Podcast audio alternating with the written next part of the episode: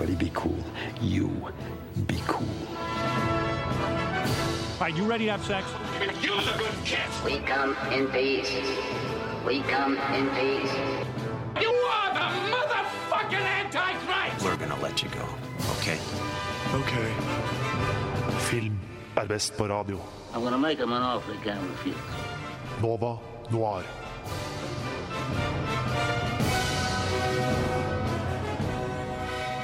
Alle sammen, og god morgen. Det er torsdag. Det betyr filmprat her på Radio Nova, nemlig Nova Noir. Mitt navn er Julie Oskar Andersen, og i studio med meg i dag, hvem sitter her? Hanna Holme Øne. Riktig! Ragnhild Bjørlykke. Pass på at vi ikke roter det til med teknikken i dag. Eh, tusen takk, det setter vi alltid veldig pris på. Eh, men Hanna, før vi virkelig sparker i gang og begynner å prate om film, så lurer jeg på, har du en god hevnhistorie? Jo, for eh, sånn tre år siden så skulle jeg og samboeren min male leiligheten vår. Eh, den, eh, vi hadde valgt veldig fine farger og sånt, da, men så kom han liksom konstant med sånne smålig passiv-aggressive kommentarer på at jeg ikke gjorde det fint nok, eller at det ble litt sånn shabby.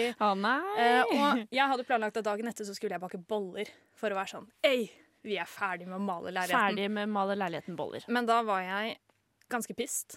Var ganske Eh, lei. Jeg var ganske lei av alle de sånne småkommentarene hans. Så det jeg bestemte meg for å gjøre, var å putte rosiner i alle bollene, litt sånn jevnt, fordi han liker ikke rosinboller.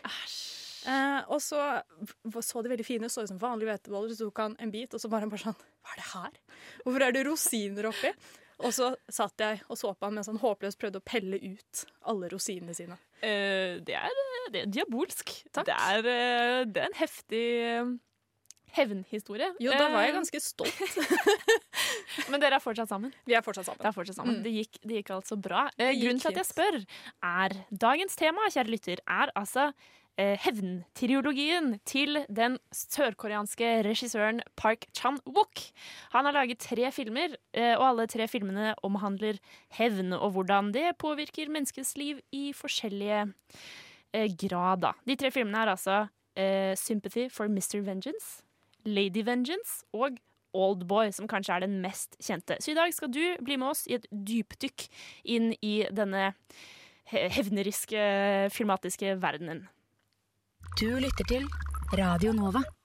Men aller først, eh, en liten oppdatering på det som er sett siden sist. Hanna, hva har du sett siden sist? Du, eh, jeg har kost meg veldig med mitt Dplay-abonnement. Så jeg har eh, sittet og sett på gamle TLC-serier som jeg ikke har sett på veldig lenge. Oi, Finnes det på Dplay? Det finnes på Dplay. Oh, det er helt fantastisk. Eh, så jeg har kost meg med Say Yes to the Dress. Ah, en klassiker. Er, det er en klassiker. Jeg gleder meg nå til et uh, bryllup der jeg kan være med på en sånn kjoleprøving. Og så har jeg sett på veldig mye av My 600 Pound Life, Mm. som egentlig bare er et program om utrolig, utrolig overvektige mennesker som prøver å bli sunnere, gå ned i vekt til de får en sånn gastric sleeve-operasjon. En operasjon, da. ja. Ja. At de tar vekk store deler av magen. Superfascinerende. Jeg skjønner ikke hvorfor det er så fascinerende, men jeg har sett vilt mye av det, og samboeren min er litt skuffet over meg. Fordi du liker det så godt? Ja. Han er sånn, Hanna, du er med i et filmprogram. Eh, høykultur er greia. Hvorfor sitter du og ser på det her? Nei, si det, men jeg har også sett på Vikingene, da. OK, men nå snakker vi. Eh, Vikingene, hva, hva er det for noe? Nei, Vikingene er et eh, norsk program eh, som handler om vikinger, men hele serien er på en måte tatt med litt sånn moderne s- tone. Mm. Eh, så de snakker med hverandre på en sånn måte som vi snakker med hverandre eh, nå. Eh, og så er det jo ja, det er jo vikinger, da. Jeg vil ikke spoile så om veldig mye. Og så har jeg ikke sett sånn supermye av det heller. Men, Men det er gøy. Det er veldig, veldig gøy. Ja.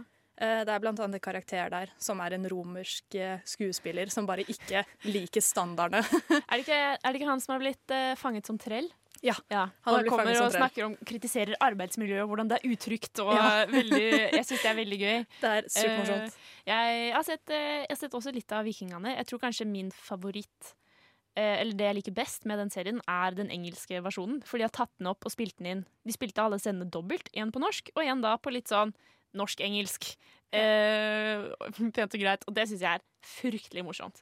Og spesielt Kåre Conradi, som er en av hovedrollene. Som eh, egentlig har veldig pen britisk engelsk, men som bare Yes, no, we need to move this over here and fix this and the, the Viking stuff and the hatchet and the things. Ja, Veldig morsomt. Jeg begynte å se den på norsk, eh, og da var jeg liksom litt i den bobla. Men nå lurer jeg på da, om jeg må se den på engelsk òg, for å se om den liksom er enda bedre. Jeg eh, anbefaler alle Eller jeg liker den engelske best, faktisk. Mm. For jeg syns det er liksom et ekstra level med komikk. Ja. og den har gjort det relativt godt i utlandet Ja. også. Hva har du sett siden sist, da? Jeg, Hanna, jeg har sett Du, jeg gikk og så Birds of Prey. Oi, hva syns du? Eh, ja, det er det. Fordi jeg hadde litt lave forventninger, og var liksom ikke Suicide Squad var dritt. Men nå var Harley Quinn og Margot Robbie det beste med hele den filmen. Det er veldig eh, sant. Så jeg var, veldig, jeg var i grunnen eh, litt sånn positiv, litt sånn gira. For sånn, OK, ja, de prøver på nytt, og det er eh, masse bra damer. Og jeg er, eh, jeg er positiv. Og så gikk jeg og så den, og ble eh, enda mer positivt overrasket. Og jeg Oi. koste meg masse. Og jeg synes det var eh, skikkelig gøy. Og de har tatt litt eh, lærdom fra Wonder Woman og hvordan regissere kvinnelige superhelter og ikke gjøre det veldig objektifiserende og ekkelt. Det er ofte i filmer hvor de skal skildre eller vise at menn er kjipe og ekle.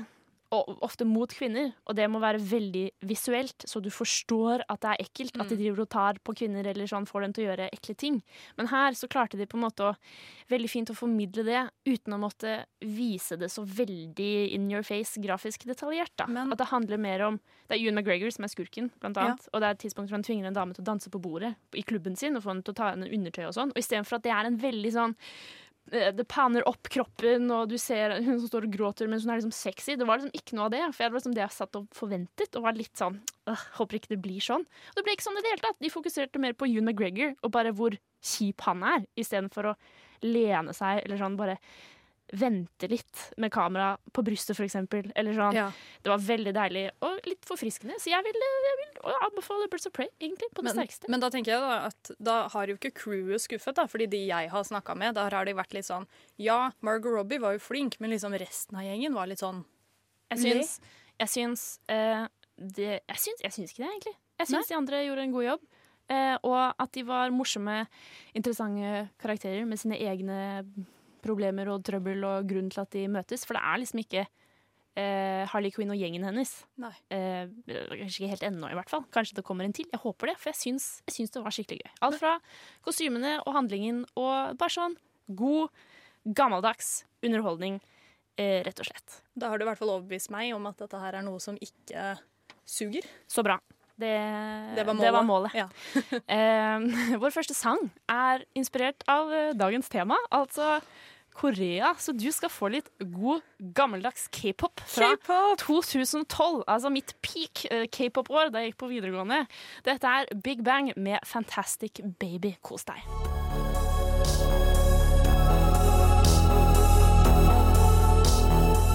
Du lytter til Nova Noir.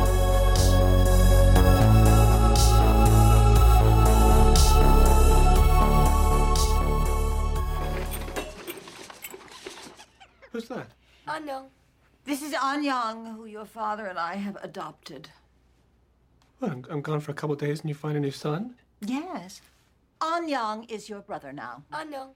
Yes, An Young. Det er altså Anyong. fra uh, Arrested Development. Og hva er det An Young betyr da, Julie? Anyong er ikke navnet på den nylig adopterte sønnen i Bluth-familien. uh, egentlig, Det er jo bare hei på koreansk. Anyong. Eh, for å, det var for å introdusere vårt eh, sørkoreanske filmtema i dag. Park Chan-wook er fokuset, og hans hevntriologi. Men først er vi jo veldig glad, som jeg også håper at eh, du som hører på er glad for. Koreansk film får mer og mer plass i hva skal jeg si, den mainstream eh, filmverdenen, eh, og blir mer og mer anerkjent, og får mer plass. Og det er vi veldig fan av. Vi liker det. Det er gøy med mangfold, og spesielt at Parasite vant beste film. Ja, for nå er jo uh, Parasite en film som uh, for et par år siden kunne egentlig bare blitt litt glemt, føler jeg. At, de, eh, at den forsvinner liksom litt i mengden av asiatisk film og ikke blir plukka på samme måte. På den samme måten så har jo eh, Park Chan-wook sine filmer gått litt under radaren her. Eh, minus Oldboy, som vi skal komme tilbake til. Det er jo den mest gjenkjennbare, vil jeg tro. Jeg vil ikke kalle den mainstream på noe som helst vis, Nei. men den har fått en ganske stor kult eh, eh, føl følging.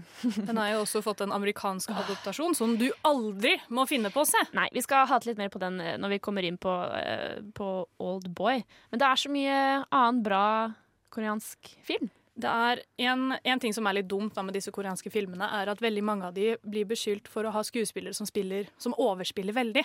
Eh, nei. fordi ehm, Nå må jeg slutte å ta på Jeg driver og slår på mikrofonen. Jeg er så sint. Jeg er kjempesint. Overspiller. Fordi um, det er mange som tenker at uh, i koreanske filmer så overspiller de utrolig mye. De bruker veldig, uh, veldig mye kroppsspråk, og de er veldig liksom med fysisk i samtaler. Uh, som gjør da at hvis vi, hadde, eller hvis vi hadde gjort det her, da, så kunne man gjerne bli stempla som en overspiller hvis man hadde drevet og falt rundt på gulvet og ledd og sånt. Men jeg fant ut da når jeg ble kjent med en del sørkoreanske utvekslingsstudenter, at nei, nei, det er bare sånn de er.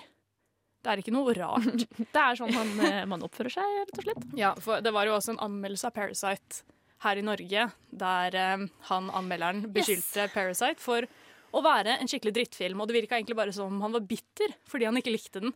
Han var sånn De oppfører seg så jævlig rart. Det er ingen som oppfører seg på den måten. så til deg, mannen. Å jo da. Det er en annen kultur, så hva vet du om det? Eh, og jeg syns jo Parasite uh, og Bong Joon-ho, uh, som har regissert den filmen, gjør en veldig fin jobb og forteller veldig mye med veldig lite, da, allikevel. Ja. Eh, en annen Jeg vil bare kaste ut helt på tampen. En annen skikkelig bra koreansk film, en av mine favoritter, heter 'Castaway on the Moon'. Så nå får dere bare en liten kjapp anbefaling, for det handler om en Er han familiefar, eller han er kanskje bare gift? Eh, som er Han har masse gjeld og eh, bestemmer seg for å da ta sitt eget liv, for det er den eneste utveien. Ja. Men han ender opp på en eh, Det er en øy, det er ikke helt en øy, kanskje en holme til og med, i den veldig store elven Mi, midt i Seoul. Ja. Så han blir boende der, da. Og så kan han ikke svømme, så han kommer seg ikke tilbake til eh, hovedlandet. fastlandet. Fastlandet er det det heter. Takk. Eh, så han eh, Han bare Da skaper han sitt eget liv på denne øya. Finner ut hvordan han plukker opp frø eh, og begynner å plante det. Og så blir den historien fortalt parallelt med en jente som er shut inn og ikke går ut av rommet sitt, og har skapt en identitet, falsk identitet på nettet. Og hold, bare holder på med det. Og hun ser med et eh, teleskop ut av vinduet, så finner hun han på den øya. Så de får på en måte et eh, forhold, Mm. eller en relasjon. For hun sender ham ting, eh, og han skriver meldinger på stranda. Så den eh, er utrolig vakker og litt eh, teit. og litt absurd, men bare kjempe, kjempefantastisk. Som jeg anbefaler at alle, eh, alle skal se. Men det var altså eh, litt utenfor temaet, for den handler jo ikke nødvendigvis om hevn, som er det våre tre filmer Ja. portretterer. Så skal du være med å dykke dypere, dypere inn i. Men det fikk du i hvert fall høre hvorfor vi liker koreansk film, da. Hvorfor du også burde kanskje eh, se litt mer koreansk film og ha det i, i livet ditt. Neste sangen er det svenske bandet Killadøden med Sprida kjærleik og inte sprida hat. Nova Noir. Eh, det var jo en veldig fin sang for å eh, motvirke temaet vi har i dag, altså hevntema til Park Chan-wooks hevntriologi. Første filmen ut er altså 'Sympathy for Mr. Vengeance'. Noe som hva skal jeg si, går igjen i mange av hans filmer, er jo at de har litt kronglete og vanskelige plott. Men. Hanna, tr tror du vi klarer å oppsummere det eh, enkelt og greit? Ok, uh, 'Sympathy for Mr. Vengeance' kom ut i 2002 og handler om den døvstumme mannen Ryu. Uh, som er veldig vanskelig å si, men jeg prøver mitt beste. Du gjør en veldig god jobb. jobb. tusen takk. Han har, Ryu altså har en syk søster som trenger en ny nyre. Men han har ikke råd til å sette henne på en transplantasjonsliste. Jeg hater når det skjer, ass. Fucking Uflaks. Not cool. Eh, så han prøver å eh, selge, siden han har ikke nyre som passer henne, så han selger da sin nyre på svartmarkedet. Men de på svartmarkedet stikker bare av med nyra og pengene hans. Så hva gjør han da? Jo, da kidnapper han en eh, jente som, hvor faren er tilknyttet sitt, det gamle selskapet han jobbet på, og så presser han de for penger. Eh, og dette gjør han da i samarbeid med kjæresten sin. Og det ender jo opp da med at alle dør. Eh, eh, jeg vil ikke si sånn Filmen kom i 2002. Ja. Eh, det går bra. Ja, eh, nei, så først så dør søstera fordi hun finner ut da at denne jenta er kidnappet, så hun skal overleve. Da føler hun seg som en byrde. Og da bestemmer Ryu da at han må jo grave ned søsteren sin ved en elv der han og søsteren lekte da de var små. Men fordi han ikke hører noen ting, så hører han ikke at denne lille jenta han fortsatt har hos seg, faller i denne elven og drukner. Så nå har han Og så da finner de jo selvsagt denne jenta. Politiet finner jo henne når hun ligger der død, for han kan ikke ta henne med seg. Eh, og pappaen til jenta, som heter eh, Dongjin, finner da ut Eller går da på en sånn hevntokt for å drepe alle som har vært involvert i datteras død. Ja, ganske øh, Ganske heftig. Det er jo øh, Den er jo godt likt, da. 'Sympathy for Mr. Vengeance'. Den har 7,6 på IMDb. Men nå vet jeg jo ikke om det er eh, hva skal jeg si, fans av eh, Park Chan-wook som har sett den og vet hva de går til. Jeg, For, du, for den er jo litt, øh, den er litt spesiell, da. Den er litt spesiell, men jeg vil si at det her er den desidert morsomste av de filmene vi skal snakke om i dag. Den har et sånn humorpreg som er litt ulikt de andre filmene hans, eh, og er litt sånn lettere på tonen. Eh, Men jeg tror definitivt at de som har sett denne filmen, som ikke er eh, sørkoreanske, de har nok kommet inn fra Oldboy og funnet ut at dette er en triologi som han har laget, og derfor blir interessert i å se den. Riktig. Det er jo en øh, tematisk øh, triologi. Eh, de henger jo ikke sammen. Det gjør de eh, ikke. handlingsmessig, som kanskje er like greit. For det vet jeg ikke om jeg hadde klart å følge med på sånn i det store og det hele, hvis det var tre filmer med eh, Han har jo ganske mange eh, hva skal jeg si, vendinger, og plottet går steder man kanskje ikke helt var forberedt på. da. Vil du si Ja. at det også gjelder for Mr. Vengeance? For det gjelder i hvert fall for de andre to. Eh, det gjelder det, eh, og det har jo mest med hvordan den slutter. Eh, fordi hun, kjæresten til, denne, til Ryu, som har vært med på denne planen, hun heter Mido, og Mido sier at Nei, det er en annen. Bare Det er glem Oldboy, det er det er? Oldboy.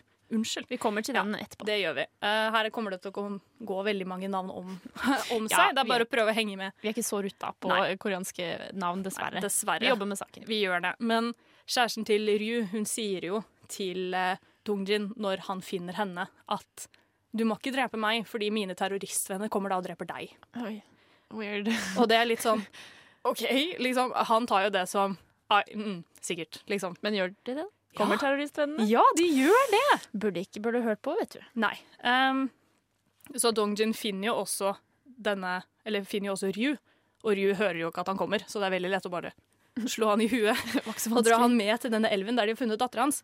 Og han plasserer han midt i denne elven og kutter over akilleshælene hans og lar han blø i hjel mens han ligger der. Gøy.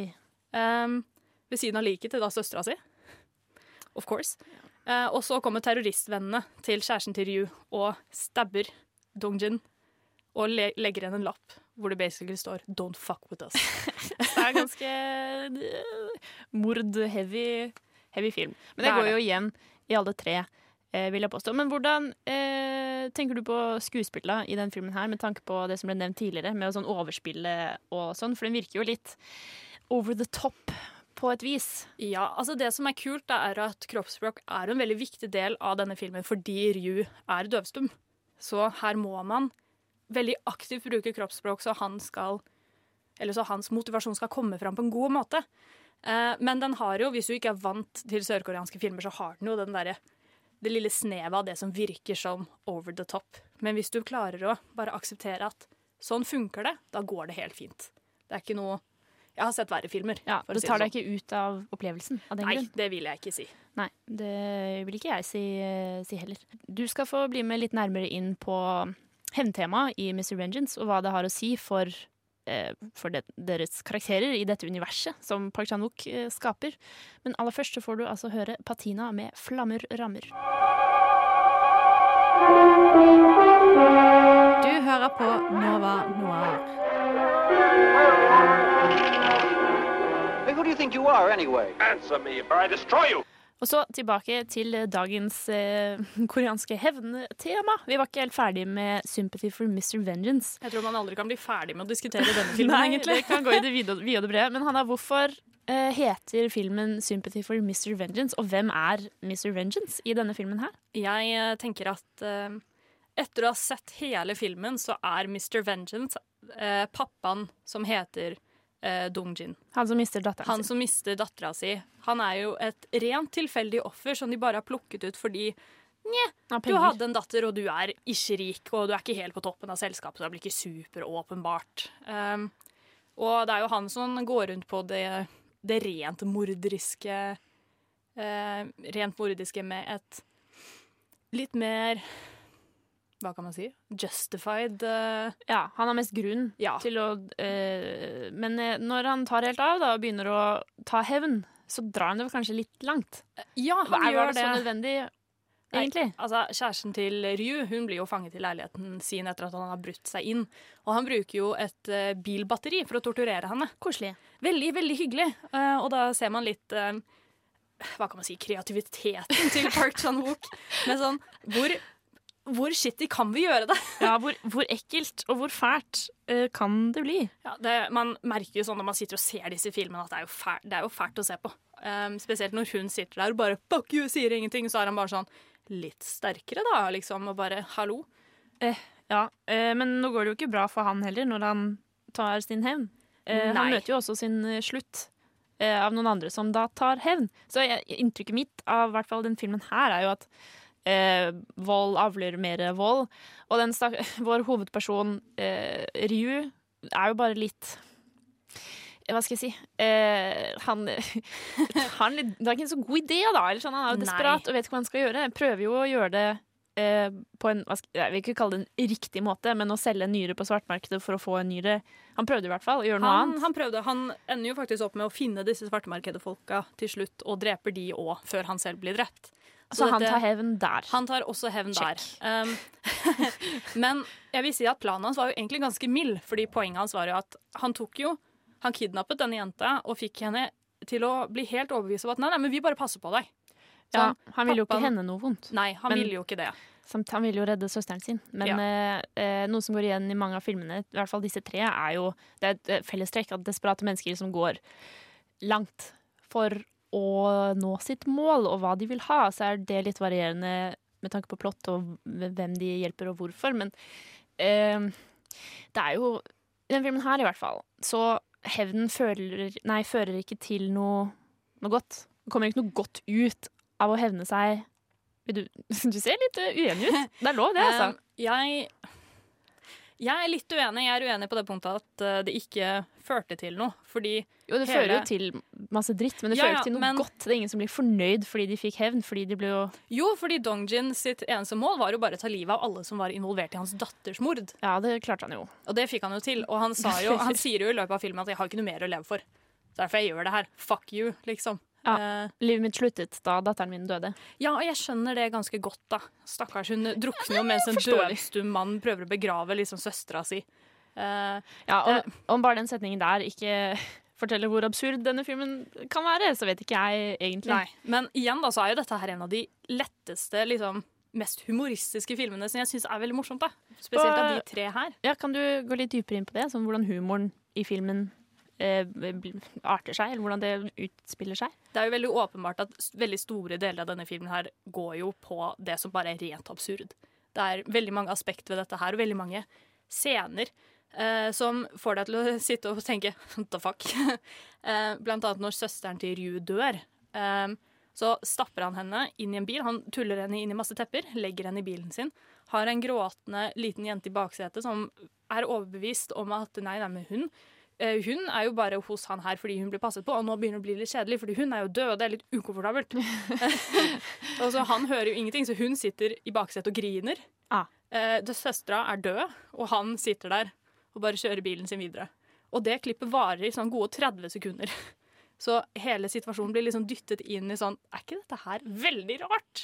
Gutta, se på det her! Uh, Park Chan-wook er jo glad i lang, lengre tagninger. Det er det. han. ofte. Spesielt i uh, Allboy, som eh, du skal få høre litt mer om eh, eh, om en stund. Aller først eh, prater vi jo om eh, Neste filmen blir Lady Vengeance. Ja. Jeg har en liten fun fact som jeg kan komme med.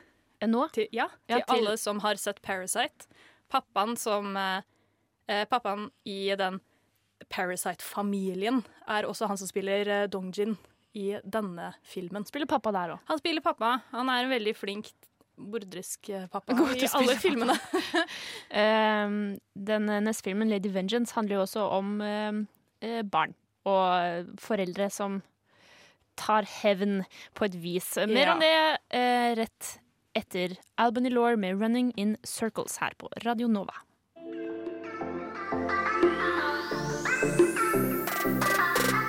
Du lytter til Nova Noir her på Radio Nova.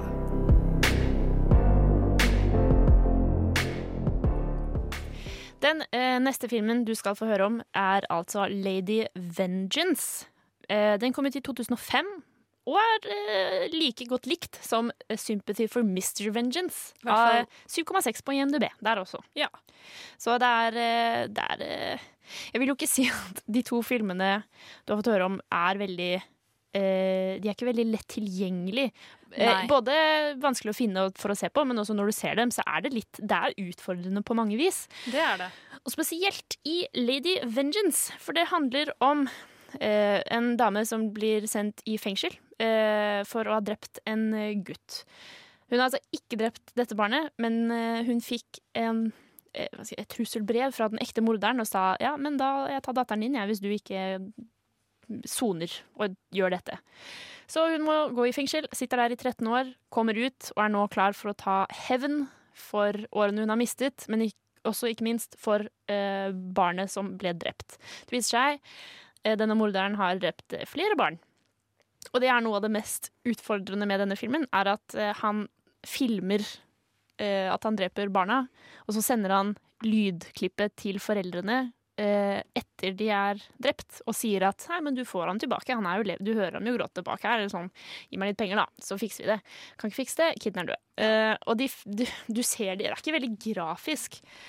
Eh, Men med det er- sånn, men det det er- er barn som sitter og gråter hysterisk etter moren sin, eh, og du skjønner hva som kommer til å skje. Så det var ikke veldig lett. Det var det ikke. Det er desidert det mest ukomfortable jeg har sett i disse tre filmene, er eh, når de viser eh, disse klippene som han har tatt. For det er jo ikke, selv om han bare sender lydfilene til foreldrene, så er det jo filmer han har, eh, han har tatt. passe, samlet på for seg selv. Ja, og det er så grusomt, fordi eh, på, eh, på koreansk, på språket, så er det veldig fælt å høre på at de er fortsatt, disse barna er fortsatt høflige mot denne fyren som dreper dem. Snakker fortsatt høflig til Ja. eh, morderen sin. Ja. Uh, så om det ikke går inn på deg, så vet jeg ikke hva du har laget av. Om det er stål eller stein eller uh, uansett. Men uh, det er Jeg føler at Lady Vengeance faller litt mellom eh, Oldboy og Sympathy for Mr. Vengeance når det gjelder tone. For det Ja. har, til tross for at den er ganske mørk, ganske tragisk, eh, så er den fortsatt eh, har sine komediske elementer innimellom. Ikke på langt nær like mye som i Mr. Vengeance, eh, men desidert mer enn det som finnes i Oldboy. Du har ikke lyst til å bare raskt gå gjennom hvordan denne filmen er delt opp? For den er delt opp i liksom ganske spesifikke seksjoner. Det er eh, livet hennes i fengsel, og filmen forteller deg sakte, men sikkert ruller ut eh, hvorfor hun egentlig havnet i fengsel, og om hun egentlig var skyldig eller ikke. Eh, og så får du se hvordan hun oppførte seg i fengselet. Eh, og da er hun liksom Hun er bare den snilleste, reneste, hyggeligste, perfekteste fangen som finnes. Eh, og så kommer det liksom sakte, men sikkert frem da, at hun, eh, hun er ikke så vakker og ren og uskyldig likevel. Det er blant annet en ganske jævlig fange der inne som eh, terroriserer alle, som, hun, som blir syk, eh, som hun hjelper deg med å spise. Mm. Og så, har hun egentlig, så gir hun henne blekemiddel, så hun dør. Ja.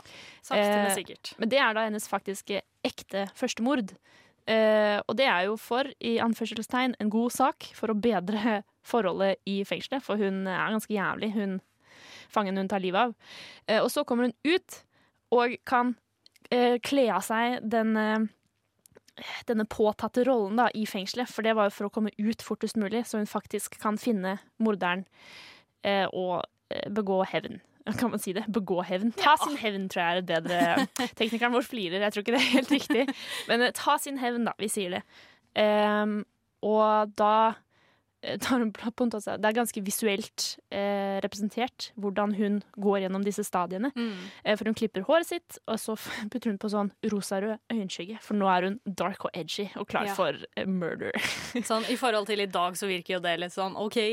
Ja, det var jo Oh. eh, 2005. Vi kan ikke være for, eh, for strenge for Ja. stilvalgene. Men Nei, eh, ikke sant. Og i tillegg så bruker jo koreanere sånn veldig lite pigmentert sminke. Så når man først ser sånn, så er det Så sånn wow! Alle kommenterer shit, det og bare! Shit, hva skjer med deg? Eh, Så hun finner eh, noen av fangene hun hjalp å bli venner med inne i fengselet, og får dem til å hjelpe henne i sitt hevnplott eh, utenfor. Så de finner morderen, legger en plan, involverer foreldrene til alle de andre barna som ble drept, sånn at de også kan få ta sin hevn på morderen. Eh, Som er en ganske heftig montasje eh, i filmen der. Ja, for de finner han jo, denne ekte morderen. Mr. Beck. Beck. Det skrives som Buck på engelsk. Det er vanskelig. Det... Ja, nei, jeg lar deg, lar deg ja. uttale for det meste i Yes, dag. Becky. Eh, de finner ham, eh, og så får du se da foreldrene sitte i tur og orden på gangen, for det er i en forlatt skole. Han Mm. var lærer. Ja. Eh, og nå sitter han bundet fast på en eh, med, med plastikkpresenning eh, på gulvet. Eh, og alle foreldrene får liksom et valg, og de får på seg sånne plastikk gjennomsiktige regnkopper, sånn at de ikke skal få blod på klærne. Veldig. Eh, og får da eh, noen minutter alene med morderen, så får de gjøre hva de vil, da. Men de kan ikke drepe han, for da får ikke alle turen sin, ikke sant. Ja. Så det er ganske heftig. Du får ikke så mye sympati for den morderen, da. Nei, det er litt sånn etter å ha sett denne montasjen med flere barn som blir drept, så sitter du der nesten og klapper med og bare fuck you. Du gjør det. Uh, Park Chan-wook har en veldig god evne til å gi deg uh, sympati for mennesker som begår stygg vold. Ja. Uh, så hvis du hadde hoppet inn i filmen der, så hadde du kanskje tenkt oi, dette var et litt bisarr mord. Det er litt som den eh, Mord på Orientekspressen-filmen, hvor Ja. alle på spoiler, spoiler, eh, alle på toget er med å drepe den onde barnemorderen. Der også, så det er noen eh, paralleller. Eh, du får høre enda litt mer om Lady Vengeance her i eh, Nova Noir.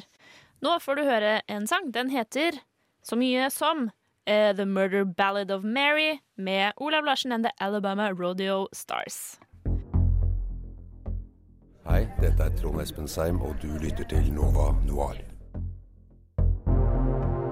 Hanna, du og jeg eh, fortsetter vi med. Lady Vengeance. Oh, ja. Eh, det er Hun kommer Jeg vil bare poengtere et veldig bra eh, Eller det er et øyeblikk, to øyeblikk i filmen som jeg føler illustrerer Lady Vengeance. Jeg bare kaller henne det. Det er mye lettere. Ja. Eh, hennes karakterutvikling og hennes relasjon til hevnen hun må ta, da. For hun har latt som hun er så prektig og flott i fengselet. Så hun får, det er en prest som liksom ser at hun er så uskyldig, og jobber for at hun skal bli løslatt tidligere. Eller sånn jobber til alles hennes sak. Og så kommer hun ut, og så eh, rekker han henne tofu, som liksom er ren og hvit, uskyldig og flott, ikke sant? Ja, Det har noe med at eh, det er en sånn tradisjon. da. Når du kommer ut av fengsel i Sør-Korea, så er det sånn vær så god, ditt første frie måltid. Så er det jævla nedtur at det er tofu, men det er en annen samtale. Men det er eh, en representasjon av hvor ren han ser henne, ikke sant? og hvor flott hun er.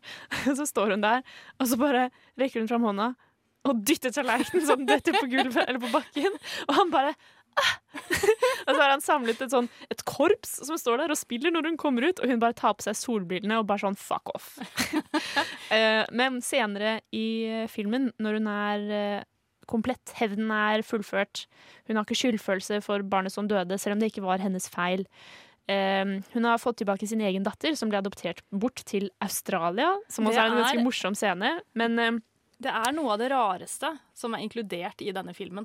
er- At hun henter dattera si, som nå bare snakker engelsk, i Australia, der foreldrene sitter der og bare Å ja, så du, du er mammaen, ja? ja men, men vær så god. Ja, det går fint. Å ja, du, du har lyst til å være med mamma? Ja, men da får du bli med til mamma, da. det er, eh, en veldig, det er kanskje den lystigste, eller sånn de morsomste scenene i filmen, er akkurat den sekvensen der.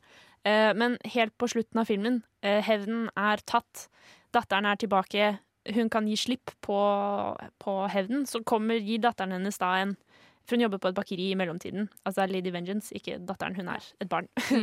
Men så kommer datteren og gir henne en eh, hvit kake. Eh, som da ligner på den tofu-blokken som hun fikk tidligere. Eh, og så bare står hun der, og så spiser datteren litt krem. Og så prøver hun å gi litt til moren sin, men så bare står hun der blank. Eh, men så tar hun kaken, og så bare dytter hun hele fjeset ned i kaken og bare står der og liksom bare mauler det ned, da, ikke sant? For nå kan hun endelig uh, være uskyldig igjen og gi slipp på hevnen som har liksom tynget ned og gjort henne, tvunget henne til å gjøre grusomme ting som var nødvendig. Så det slutter med at det snør, og at hun bare har fjeset dyttet i kake, kake. mens eh, datteren står og, og holder rundt henne og bare sånn Ja, er mamma, liksom. det er jo eh, kanskje den filmen av disse tre hvor det går best med personen som tar hevn.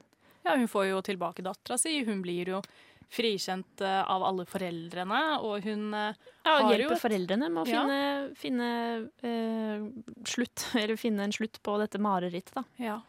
Så eh, jeg vil jo si det er eh, Det, det går bra i Lady Vengeances tilfelle. eh, I motsetning til Sympathy for Mr. Vengeance. Ja, nei, der går det jo ikke bra for noen i det hele tatt. Nei, nettopp. Men jeg, jeg likte Lady Vengeance og hvordan den klarte å balansere de lystigere øyeblikkene.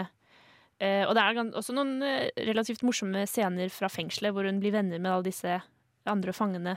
Og jeg bare er veldig fan generelt av Park Chan-wook og hvordan han klarer å eh, fortelle en veldig kompleks historie om ganske fæle mennesker, som morderen, da, for eksempel. Ja, dette eh, Sympathy for Mr. Vengeance og Lady Vengeance er jo de filmene som ligner mest sånn rent parallelt temamessig. Ja. Eh, fordi her er det jo hovednøkkelen her ja, er jo kidnapping av barn. Og barn. ja, og barn, Barn som dør. Barn er jo et tema som går igjen i alle filmene, eh, men det her er liksom der det blir Virkelig satt på spissen, Ja, da. veldig sånn Det er morderisk, veldig liksom Her gjør vi grusomheter direkte mot barn, og det er det som er motivasjonen. Mens vi i andre filmer ser en annen motivasjon. Kanskje det er derfor det er den hevnen det går best med, for den er mest eh, rettferdiggjort. Ikke det at den ikke er det i eh, Mr.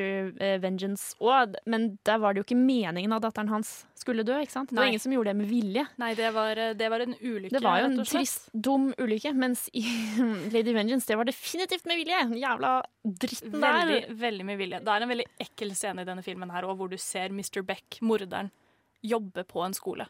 Og se hvordan Siden de forklarer at det han gjør, er at han plukker ut de barna som har, et, som har minst nettverk, og de fattigste foreldrene. Så det blir, og så bytter han jobb ganske ofte for å ikke bli, bli oppdaget. Eh, og han blir jo sett på som den beste læreren. Å, han er så hyggelig! Å nei, skal han flytte det? Å, så dumt. Så ble jeg kjempetrist. Og så rett etter denne tragedien, og barna er borte, og vi ikke vet hvor det ble av. Ja. Og så synd at du også skal dra. Mm. Mm. Så viser det seg at en dame som er den tidligere, eller tidligere innsatt sammen med Lady Vengeance, er jo blitt kona til eh, Mr. Beck. Ja. Så det jeg satte pris på også, var at eh, filmen handlet liksom ikke om hvordan Lady Vengeance skulle plotte for å få tak i Mr. Beck. Det gikk på ganske radig, bare sånn godt planlagt, og det gikk helt fint. Det handlet liksom ikke, Plottet handlet ikke om at det skulle være spennende om hun fikk det til eller ikke, men det handler om den psykologiske byrden hun har påtatt seg for å hjelpe disse familiene, da, blant annet. Eh, Så det var kanskje ikke det jeg forventet rent handlingsmessig, at det skulle gå, at det skulle gå så lett å Mhm. få tak i morderen og ta sin hevn. Men ja. det var også noe jeg kunne sette pris på, for jeg tror ikke jeg hadde orket spenning oppå alt det der, eh, Nei. egentlig. Det her er jo også den lengste filmen. Den varer vel i to og en halv, nesten tre timer. Ja, Eh. Og er jo derfor da den tyngste å se igjennom. Men jeg anbefaler den i aller sterkeste grad. Det er en virkelig opplevelse. Men se den gjerne med noen som kan gi deg en klem etterpå. Ja, det er lurt. Se det med noen du er eh, glad i, og kanskje ikke hvis du har barn selv. Nei. Da kan det gå veldig innpå deg. Men i hvert fall, eh, et godt stykke film av Park Chan-wook, altså. Eh, neste filmen du får høre om, er eh, den mest kjente, altså Old Boy. Eh, og det gleder jeg meg til. å Nå bringer vi alt sammen. Nå vi nesten, nå vi, eh, når vi får den siste, da er det mye å ta tak i. I mellomtiden så kommer TWRP med Disco Volante. Uh, vår tredje film, altså Oldboy, som kanskje er den filmen du har sett. Uh, hvis du har sett de andre to, så blir jeg ganske overrasket, du kjære lytter. Da er du ganske filmrutta, rett og slett. Men Oldboy, Hanna, den mest kjente av disse tre kultklassiker, kom i 2003. Best likt av våre tre filmer, med 8,4 på IMDb. Vi, må bare, du nevnte det litt tidligere i dag, Hanna, men eh, den eh, super eh, Bare superkjapt. Den kjempefine amerikanske remaken med Josh Brolin eh, er jo bare så Har mistet poenget. Jeg, ja, han gjorde det. Og jeg tror at istedenfor å kalle den Oldboy, så kan vi kalle den Oh Boy. Oh boy! oh jeez. Det her Ja, er Å, oh, herregud. Ja, nei. Um, Hvis du av en eller annen rar grunn har sett den amerikanske versjonen av Oldboy, og ikke den koreanske, så har jeg den dypeste sympati for deg, fordi du har hatt en forferdelig filmopplevelse, og det er ikke diskuterbart. Jeg håper bare du er villig til å se den ekte den eneste Oldboy-filmen. The one and only. The one and only. Park Ja. Chan-wook's Oldboy. Uh, the original. Men uh, klarer du, Hanna, å gi oss et, uh, en oppsummering av plottet? Det gjør jeg. Vi gjør vårt beste. Tenk deg, tenk deg, det er 2003. Du heter Deso og er en fyllik eh, som har en barnefamilie. Eller han har en datter. Og han har helt glemt at det er datterens fireårsdag. Så han snubler seg litt sånn full på sprit bort til en telefonkiosk og ringer på ja, 'Pappa elsker deg', og la, la, la, og jeg har kjøpt gave og sånn. Så kommer det masse folk, tar tak i deg, slenger deg inn i bil og låser deg inne i en leilighet i 15 år. Heftig. Heftig. Skjer ikke med alle hvem som helst. Nei, det er liksom den rareste slutten på en fylla som jeg noensinne har sett. Eh, og etter 15 år så blir han bare sl- sluppet fri. Han blir sluppet ut. Han har ikke hatt noen kontakt med noen. Han vet ikke hvem som har fanget han, han vet ikke hvorfor. Han har null idé om hvor han er, i, men han har funnet ut at han er, han er i storbyen. For han hadde klart å karre seg, liksom, spikre seg et lite hull ut, så han ser at OK, jeg er i hvert fall i Seoul. Um, og han blir jo da helt besatt av å finne ut av hvem har gjort dette, og hvorfor. Hvorfor er jeg her? Hvorfor har de puttet meg her? Eh, får jo ingen svar. Nei. Han eh, bruker de første årene på å prøve å skrike seg fram til What the fuck er det som skjer? Og så får han ikke noe svar. As you do. Og tre Um, måltider om dagen. Du får litt TV eh, og et lite bad og en seng. Det er det Ja, du har. Det er det du har, og sånn er livet ditt nå. Um, Du vet ikke når du slipper ut, du vet ikke hvorfor du er der, eh, men eh, det er det nye tilværelse. Ja, så når han kommer ut, da, så snubler han seg ned til en sushirestaurant, der han eh, av en eller annen rar grunn bestemmer seg for at han skal ha levende blekksprut til middag. Ja, den scenen er ubehagelig. Ja, det er jo en scene som er spilt inn. Han som spiller Deso, han gjør jo faktisk dette her. Han tar jo tak i en levende en eh, jafs. Han spiser Åh. hele greia, dytter den inn i munnen. Ja. Lever. Du ser den eh, Nei, det er ja, men, der, ja, der sitter det en eh, stakkars liten jente ved siden av og tenker hva faen er det her for noe? Eh, men hun blir veldig interessert i han og bare ja, nei, kan jeg hjelpe deg, liksom? Og så sier han liksom nei, jeg har ikke noe sted å bo, jeg. Og hun bare ja, men kom, kom til meg. Sånn som du gjør med fremmede som spiser ting. Mm. Uh, og så finner han jo da ut av at det er en mann som heter Ojin, som har tatt han til fange. Og det er fordi han, når de var tenåringer, så eh, avslørte Deso at Ojin lå med søstera si, og hun er nå gravid. Og så tok søstera livet av seg.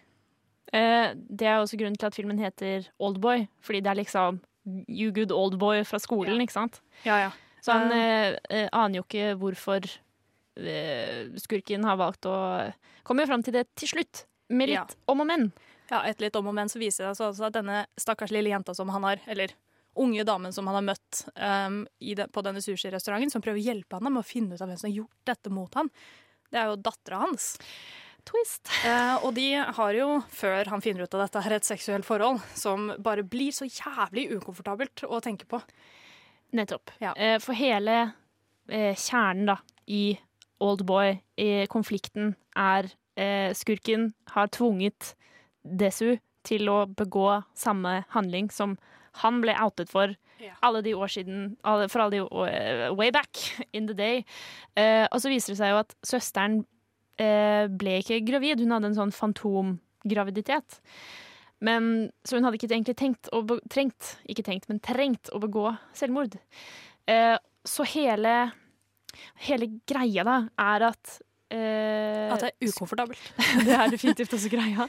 Men at eh, skurken eh, liksom dingler hevnen rett foran eh, nesa på Desu og sier sånn Ja, men vil du ikke vite hvorfor du er der, da? For han vil bare ta hevn, ikke sant? Men han, han vet ikke hvorfor. Og det spørsmålet plager ham eh, og holder han oppe, og det er det som driver hele handlingen. Og hvis han hadde klart å gi slipp, og nå er han fri, og ikke bli så opphengt i hvorfor og hvem, så hadde ingen av disse tingene skjedd. Jeg tror det det liksom det beste med denne filmen her også, er at når DSO, som har sittet fanget i 15 år, faktisk finner han som har satt han inn, så vet han ikke hvem det er.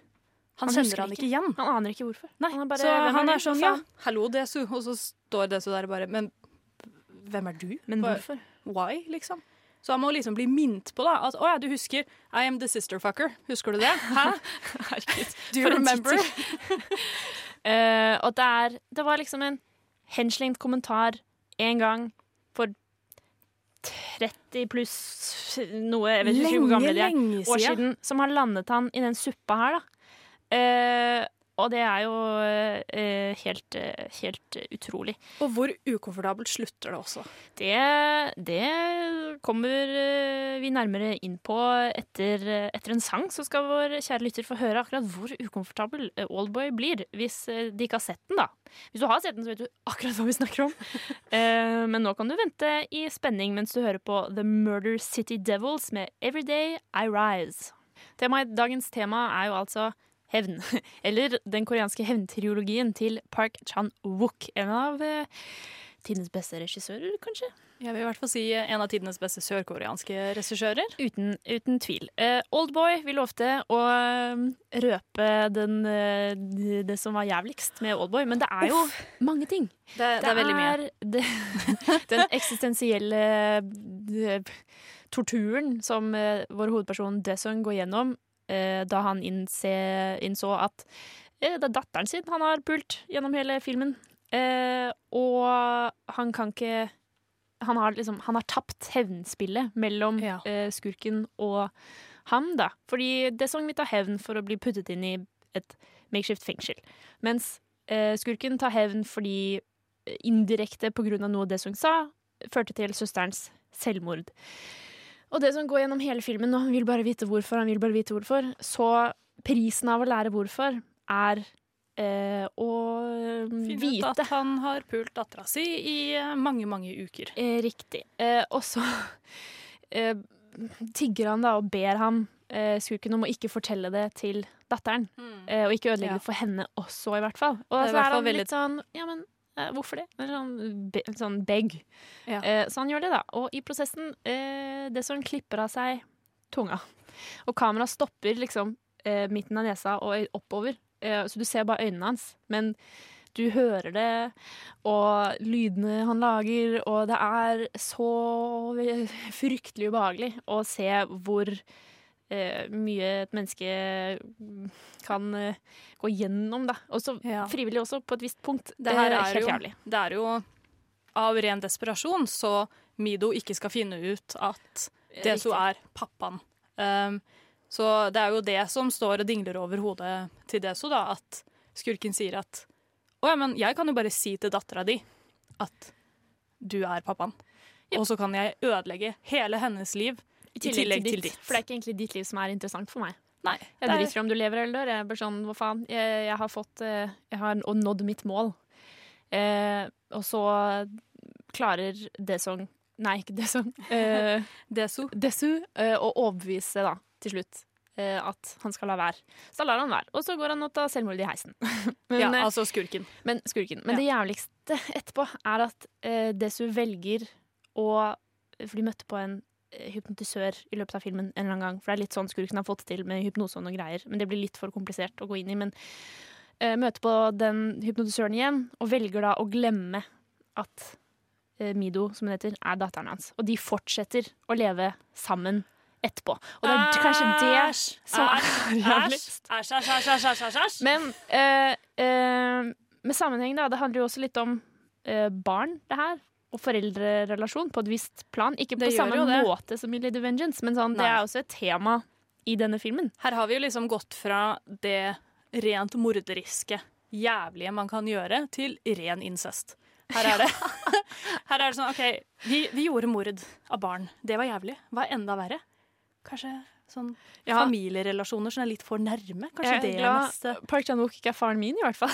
Jeg føler at det hadde vært et veldig rart eh, Uff. Jeg tror han er gift og har barn, faktisk. Ja, sikkert, Han er sikkert en god pappa, han. Jeg Ja. bare, det, er så, det er så sykt mye fucka som han putter i filmene sine. Jeg, jeg, sånn, hvor, hvor får man det fra? Jeg skjønner ikke. Tenk å være på foreldremøte, så dukker Park Chan-wook opp, og så er det bare sånn Oi, oi! Oi, shit! Ja, vi går andre vei, vi. Hele gjengen. Hadde jeg vært uh, Park Chan-wook, så hadde jeg uh, operert litt sånn Shia LaBeouf med den papirposen. Eller sånn, Jeg hadde Ja. gjemt min egentlige Ja. identitet for at uh, familien min aldri skulle blitt utsatt for noe sånt. Men OK, nå blir vi litt, uh, snakker litt på siden av det vi prater om, men det er jo hevn, hevnen som tema i alle disse tre filmene. Og eh, i eh, Oldboy vil jeg jo kanskje si at det er der det mest hevn blir straffet mest. For Ja. jeg var litt inne på det tidligere. Hvis Desu hadde akseptert at han var fri, og ikke blitt plaget, eller eh, at han måtte finne ut hvorfor og måtte ta hevn og ta igjen For han har, tidligere i filmen så får han muligheten til å drepe skurken, men han vet fortsatt ikke hvorfor han er der. Så da sier skurken ja, men vil du ikke vite det, da? Mm. Og så bare å, Så klarer han det ikke likevel. Og da bryter jo helvete løs. Ja. Så hadde han bare på tidligere steg, ganske mange punkter, klart å gi slipp. Klart å gå fra det. Men nå skjønner jeg at man blir ganske besatt da, når man har blitt eh, fengslet i 15 år uten å vite hvorfor. Han, eh, eh, at man blir litt gæren. Ja, han finner jo også ut av hvor han har sittet i 15 år, og det er jo sånn svært mafiahus. Um, midt i byen. En Midt i byen. boligblokk Bare midt i sånn, byen. En boligblokk midt i byen, men en hel etasje er drevet av mafiaen. Eller de har liksom kjøpt opp og eier alt dette. Og det er en helt fantastisk scene som er filmet i ett shot, som bare er at Deso banker opp absolutt alle. Av bare ren sånn fuck alle dere. Og i én sammengående tagning. Det er uh... Cinematisk er den helt fantastisk. Ah, nydelig. Det er det, det, det Park Chan-wook, som sagt, er veldig flink til å eh, utfordre deg på veldig mange forskjellige plan, som i alle disse tre filmene som eh, du har fått høre om i dag. Eh, så man kan jo sitte og tenke da, hva hadde du selv gjort hvis du var i samme situasjon, etc., etc. Jeg tror normale mennesker hadde jo ikke gått langt som noen av karakterene i, Nei, i jeg eh, håper disse ikke det. filmene. Jeg håper ikke det. Håper ikke det. Men samtidig hadde det vært en utrolig kjedelig film hvis han bare var sånn Å, nå er jeg fri. Ja, ja, OK. Går i parken, da, I guess. Hadde vart i et kvarter, så var filmen ferdig. Han blir sluppet ut. Ferdig. That's it. Eh, men i eh, Lady Vengeance er jo den filmen hvor det går best for karakterene som begår hevn. Eh, og det er også den filmen med en kvinnelig hovedperson.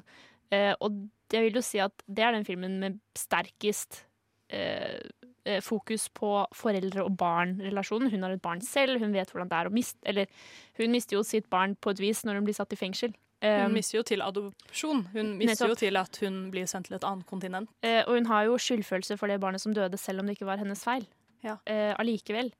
Men, eh, men jeg vet ikke hvor skyldig Desu føler seg for å pule datteren sin. Jeg vet ikke. Jeg, jeg føler liksom ikke det er helt det som er poenget, fordi selv skurken, he, hans hele poeng er å bare gjøre livet jævlig for deg, og så skal han selv dø.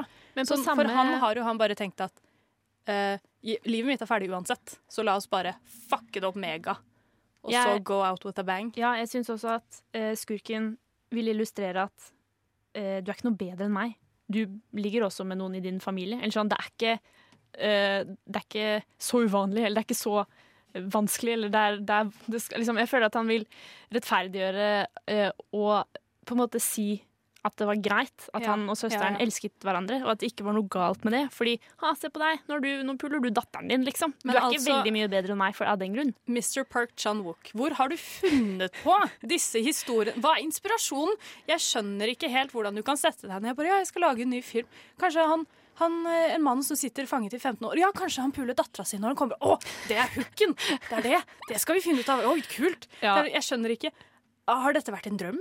Har han lest et dikt som var bare eh, Hvor har tankegangen kommet fra? Fordi du må være litt sånn spesiell for å komme opp med disse historiene. Men allikevel ufattelig bra film. Veldig Alle bra. tre. Uh, Igjen, ikke se den amerikanske. Nei, nei, nei, Ikke se den amerikanske Oldboy. Oh my god. Men, eh, men eh, både Sympathy for Mr. Vengeance, Lady Vengeance og Oldboy er skikkelig bra. Men man føler seg liksom litt ekkel etterpå. Ja, se det med litt mellomrom. Ikke Eh. se det i løpet av én uke eller i løpet av én sitting. Da, da, da sliter du med med å sove litt. ikke se det med noen i familien din. For Guds skyld. ikke gjør det. Nei, ikke gjør det. Det var altså eh, Det konkluderer vårt eh, hevntema, men vi er jo ikke ferdig for dagen. Nei. Nei, Vi skal eh, gi deg enda mer filmprat, vi. Eh, så det er det bare å glede seg til. I mellomtiden får du høre Chris Holm med sangen 'Violence Comes From Silence'. Nova Noir på Radio Nova.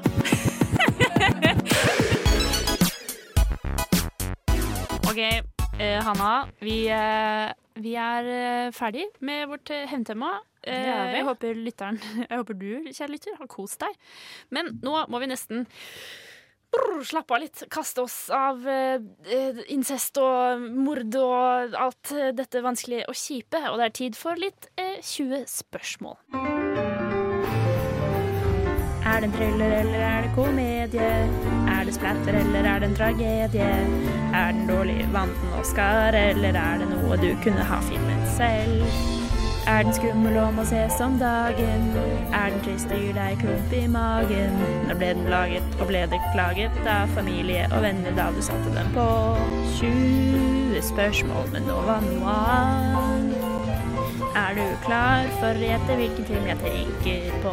Jeg elsker leker. Jeg er klar. OK, så uh, Hanna, du må ta av deg headsetet. okay. Så du ikke hører hva jeg hvisker til uh, lytteren. Jeg kan si la-la-la. OK.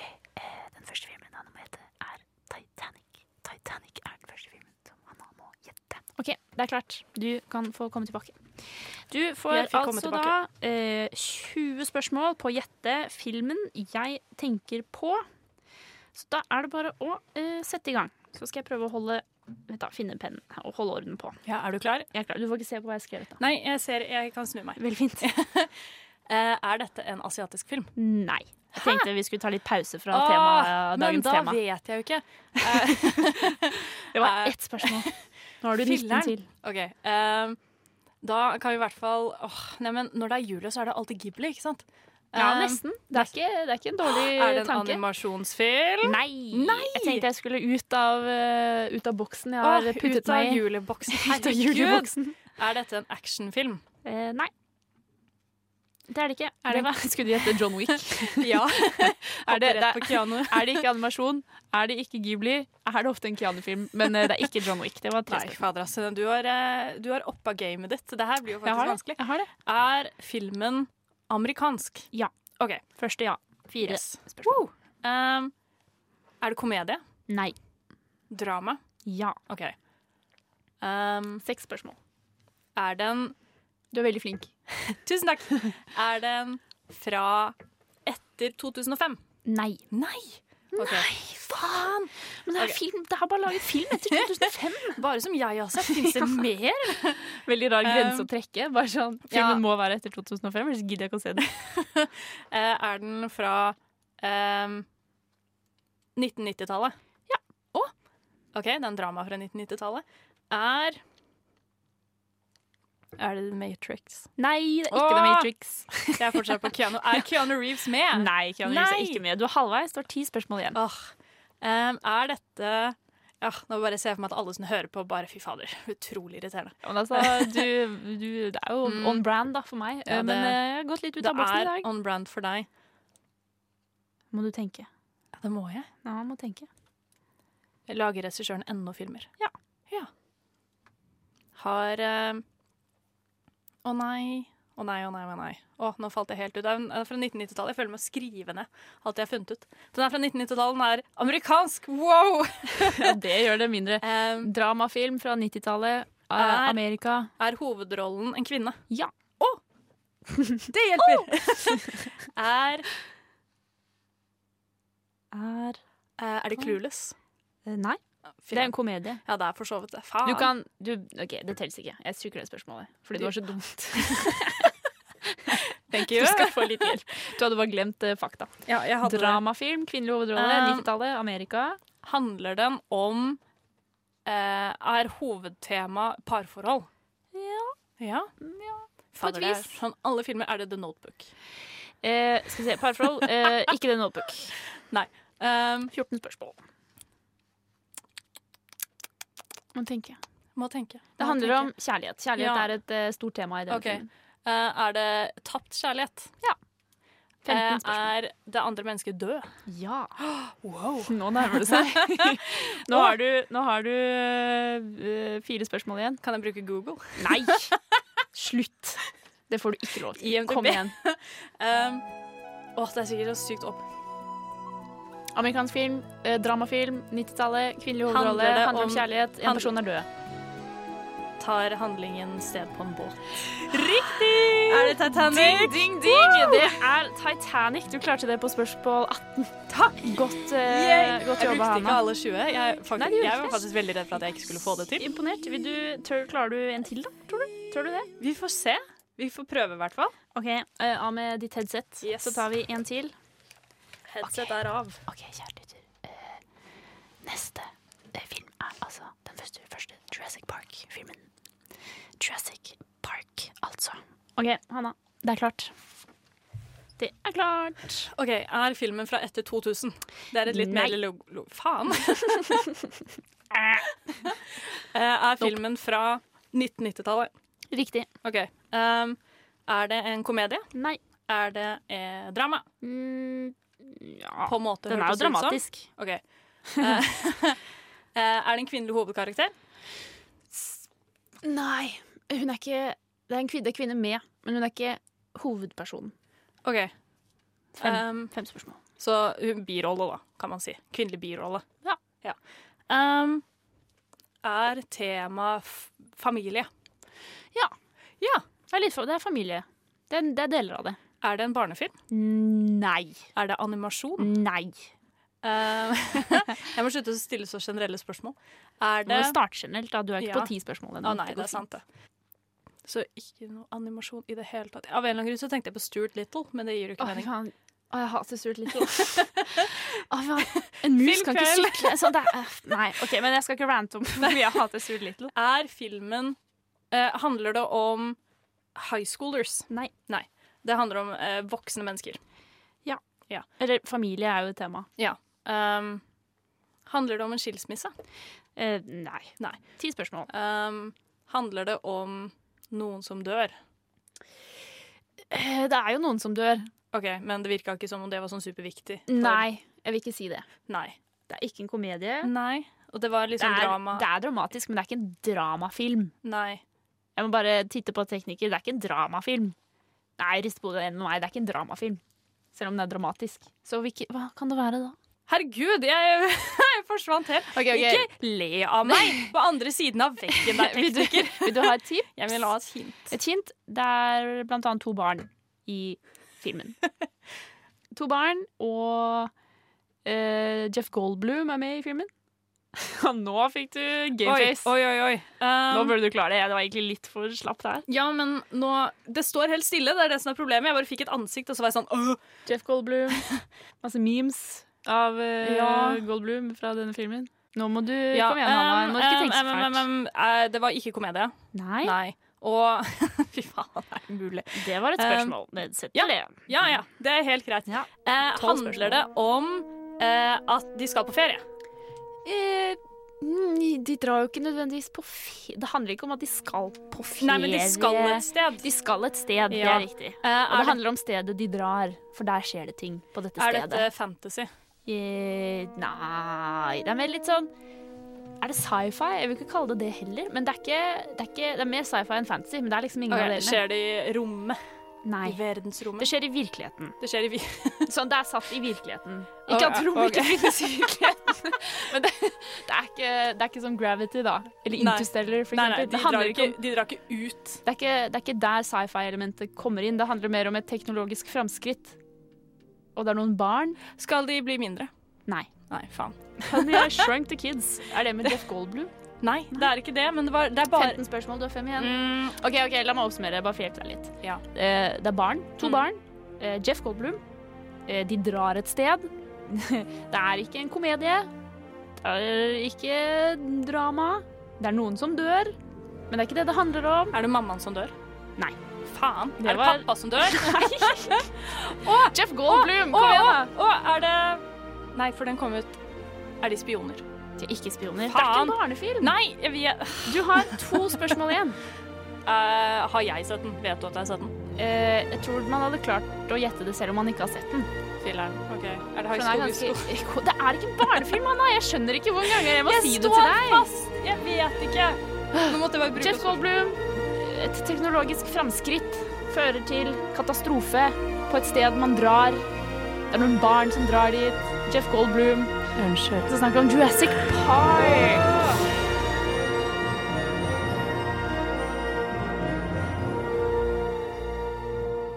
Jeg er dårlig på å gjette.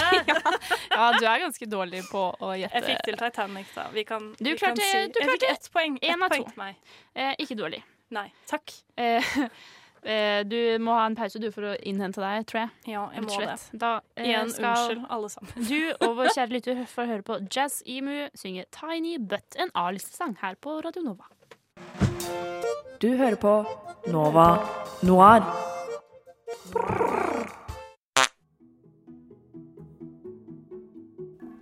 Har du lagt merke til at majoriteten av kjærlighetsfilmer som omhandler brudd, følger den som har blitt dumpet? Og at de som regel blir forlatt av en skikkelig kjip eks, og så ender de opp med å bli sammen med en eller annen vidunderlig ny person? Vel, før så kunne jeg sluke slike filmer som en rykende Grandiosa klokken tre om natten, helt til jeg selv var en av dem. En dumper. Nå var det jeg som var skurken i alle romantiske komedier. Den som var utro med en yngre dame. Hun som ville reise til Italia for å finne seg sjæl. Hun med den brutale skilsmisseadvokaten, eller den som stakk av med barna uten spor. Jeg endevendte internett i søken etter filmer som kunne lindre hjertesorg, og samtidig gi meg en trygghet om at bruddet var det riktige valget. Når jeg fremdeles satt tomhendt igjen etter å ha bladd helt til side tre på Google-søket mitt, tok jeg endelig saken i egne hender. Her er fire filmer som kan døyve ensomheten. Og nei, Eat, Pray, Love er ingen av dem. What are you two doing? What do you mean? Yeah, what do you mean? You guys have been separated for six months. You're getting divorced. And you spend every day together as if like it's no big deal. We are separated and we're friends. This is the perfect breakup. Sorry. Betty's so angry. Ja, she is uber angry. Ja. Alle sier man burde gifte seg med bestevennen sin. Og det var Celeste og Jesse. I den romantiske komedien Celeste and Jesse Forever møter vi paret seks måneder etter at de har valgt å skille seg. Men du hadde ikke visst det, med tanke på at de henger sammen som om ingenting har skjedd.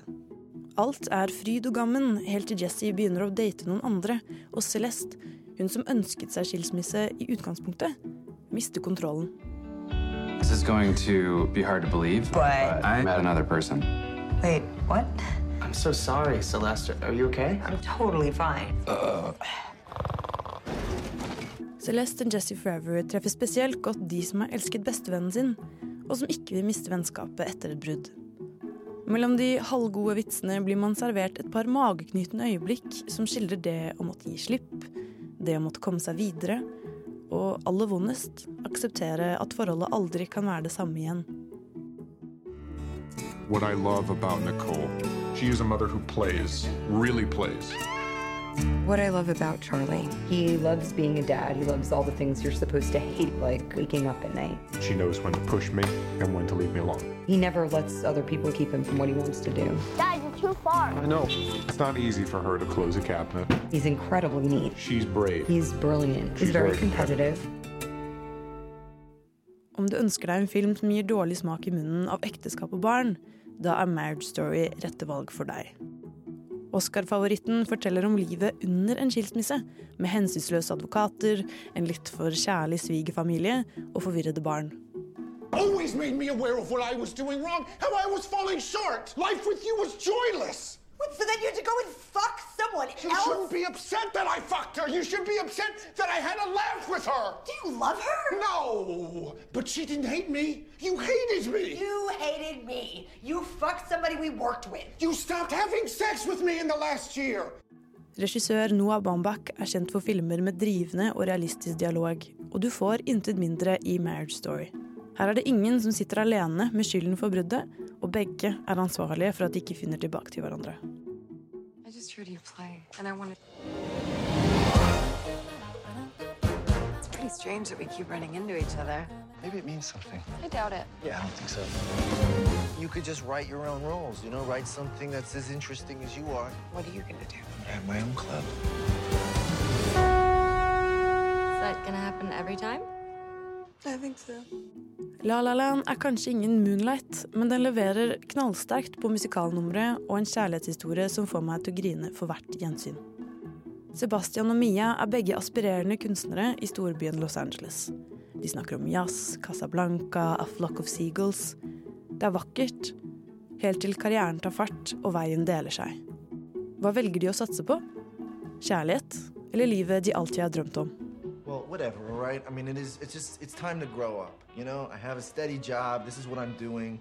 And now all of a sudden, if you had these problems, I wish you would have said them earlier before I signed on the goddamn dotted line. I'm pointing out that you had a dream that you followed, that you were sticking to. this is to. the dream.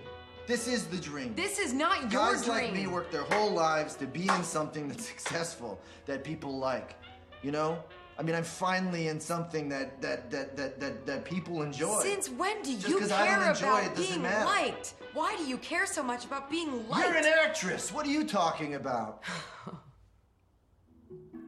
Om du liker musikaler eller ei, så setter La La Land spennende spørsmålstegn ved hva som er verdt å kjempe for. Og det gir en ny mening til utsagnet om du elsker noen, sett dem fri. Who I gotta kill? You okay? Basically, I just really want you to call your place of work and tell them you have your period or something and then just come over my apartment. You know the beginning of a disaster movie, like right before the girl who looks like me dies, and like right when a girl who look like you walk outside and be like, "Oh my God, look how crazy the sky looks." This feels like that. I Someone Great møter vi Jenny. Hun har nettopp fått ny jobb i en by flere timer unna der hun bor med Nate, kjæresten hun har hatt i ni år. Nate bestemmer seg for at han ikke kommer til å takle langdistanseforhold, og slår opp. Jeg vet hva du tenker. Den siste og fjerde filmen jeg har plukket ut, bryter med ett essensielt krav. Den følger personen som har blitt dumpet. Grunnen til at Someone Great funker godt for dumpere også, er fordi Jennys prosessering av det nylige bruddet treffer godt for begge parter. Etter et brudd kommer det muligens øyeblikk hvor man angrer, eller tenker på hvor fine man var sammen før. Unike øyeblikk, interne vitser eller god sex. Sakte, men sikkert husker Jenny mer enn bare forelskelsesfasen, og innser at forholdet var på vei øst uansett. Det betyr ikke at de fine øyeblikkene var mindre gode, men at det ikke hjelper å holde fast i noe bare fordi man bryr seg om hverandre. There are no more one mores. I met you when everything was new and exciting, and the possibilities of the world seemed endless. And they still are. For you, for me, but not for us. Somewhere between then and now, here and there, I guess we didn't just grow apart. We grew up. When something breaks, if the pieces are large enough, you can fix it. Unfortunately, sometimes things don't break, they shatter. But when you let the light in, shattered glass will glitter. And in those moments, when the pieces of what we were catch the sun, I'll remember just how beautiful it was. Just how beautiful it'll always be. Because it was us. And we were magic. Forever. Forever! Nova Noir. Eh, vi er jo altså Nova Noir, eh, filmprogrammet til eh, Radio Nova. Eh, så jeg ville egentlig bare ta et lite, lite øyeblikk og anbefale eh, andre ting enn film, hvis du liker film. Hvis det gjør mening.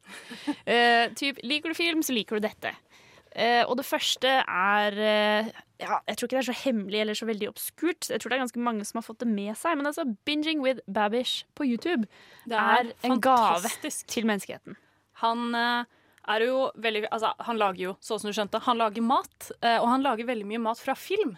Og det han gjør, eh, og ikke bare film, men serier også, bare masse, men det han gjør, er at han gjør det så jævlig grundig. Det er liksom ikke 'Å, jeg vil bare gjenskape denne maten her', men han går ut, og hvis han skal lage en burger, så går han ut og så kjøper han kjøtt, og så kverner han det selv, og så Det er så mange steg, da, og han tar seg så utrolig tid til å gjøre alt riktig. Så først så prøver han å lage det akkurat sånn som de gjør det i filmen eller serien. Og ofte så er det jo Det er jo ikke all mat som er god. Eh, Nei. og i hvert fall den episoden fra Always Sunny in Philadelphia, hvor han lager milk steak, for eksempel. Æsj. Det, så, altså, det høres ikke godt ut. Hvem er det som har funnet på at det er noe Og de skal spise? øh, må han jo smake på det da, for å se, se hvordan det smaker. Eh, altså ikke godt. Så da han, prøver han alltid å finne en ny, bedre måte som blir digg. Gjerne en gourmetversjon, for å bare uppe det og gjøre det enda bedre. Så det er eh, Han har også en kokebok som jeg hadde kjøpt hvis jeg var der. Han har også laget uh, tofurkiki, uh, eller hva det er, fra How I Met Your Mother. Hvor de tar en kylling, stapper den inn i en kalkun, og så er det liksom the Thanksgiving meal. Uh, så han lager da Det tar helt av Det tar ofte. kjempeav. Eh, og det, han virker, det virker som at han går liksom inn i det litt sånn Ja, ja, men det her er jo totalt normalt å lage. Og så står han på et Ja. punkt, og så er det bare sånn Hvorfor gjør jeg det her? Hvorfor, hvorfor gjør jeg dette mot meg selv? Så jeg vil, eh, Det er min eh, en anbefaling. Da. Kommer sikkert på flere. Har du noe, Hanna? Jeg har en mann på, som har drevet, drevet veldig lenge på YouTube. Og han driver med filmanmeldelser på samme måte som vi gjør, bare i litt mer sånn video-essay-form. Og han heter Chris Stuckman. Vet ikke om du har hørt om han, Julie? Nei, jeg har ikke det. Nei. Eh, jeg liker han veldig godt, og det er veldig ofte hvor jeg finner meg enig i det han sier. Og han er ikke eh, han er ikke ute etter å eksempel totalslakte en film som er dårlig, men han er litt mer sånn Ja, altså, det, det, det bare gikk ikke, og det var litt synd. Eh, og hvis du er skikkelig filmnerd, så har han veldig mange referanser til andre filmer, og snakker veldig grundig om filmene som gjør at det blir litt mer enn bare sånn overfladisk anmeldelse av 'det var gøy', eller 'det var ikke gøy'. Hva var det han het igjen? Chris Stuckman på Chris YouTube. Stuckman, Og det er det kanalen hans heter? Det heter kanalen hans. Du Ja, finner han får- eh, ganske lett ved å bare eh, skrive Chris på søkeren også. Jeg får finne etterpå. Eh, hvis du blir litt, litt trist fordi Nova Noir bare har én episode hver uke som du kan eh, høre på podkast etter vi har vært på lufta, så har jeg en annen anbefaling til deg som heter The Film Reroll. Hvor de spiller De tar eh, kjente og kjære filmer, og så spiller de rollespill ut fra det. Så de bruker terninger, eh, og det går jo ikke alltid som det da det gjør i filmen. Fordi de ting kan jo, kan jo skje. Plutselig så dør hovedpersonen, eller så stoppet du skurken før du skulle, og det ble ikke noe episode. Som for eksempel skjedde i eh, Speed-episoden deres, som bare ble 20 minutter lang, for de bare klarte å ta skurken med en gang.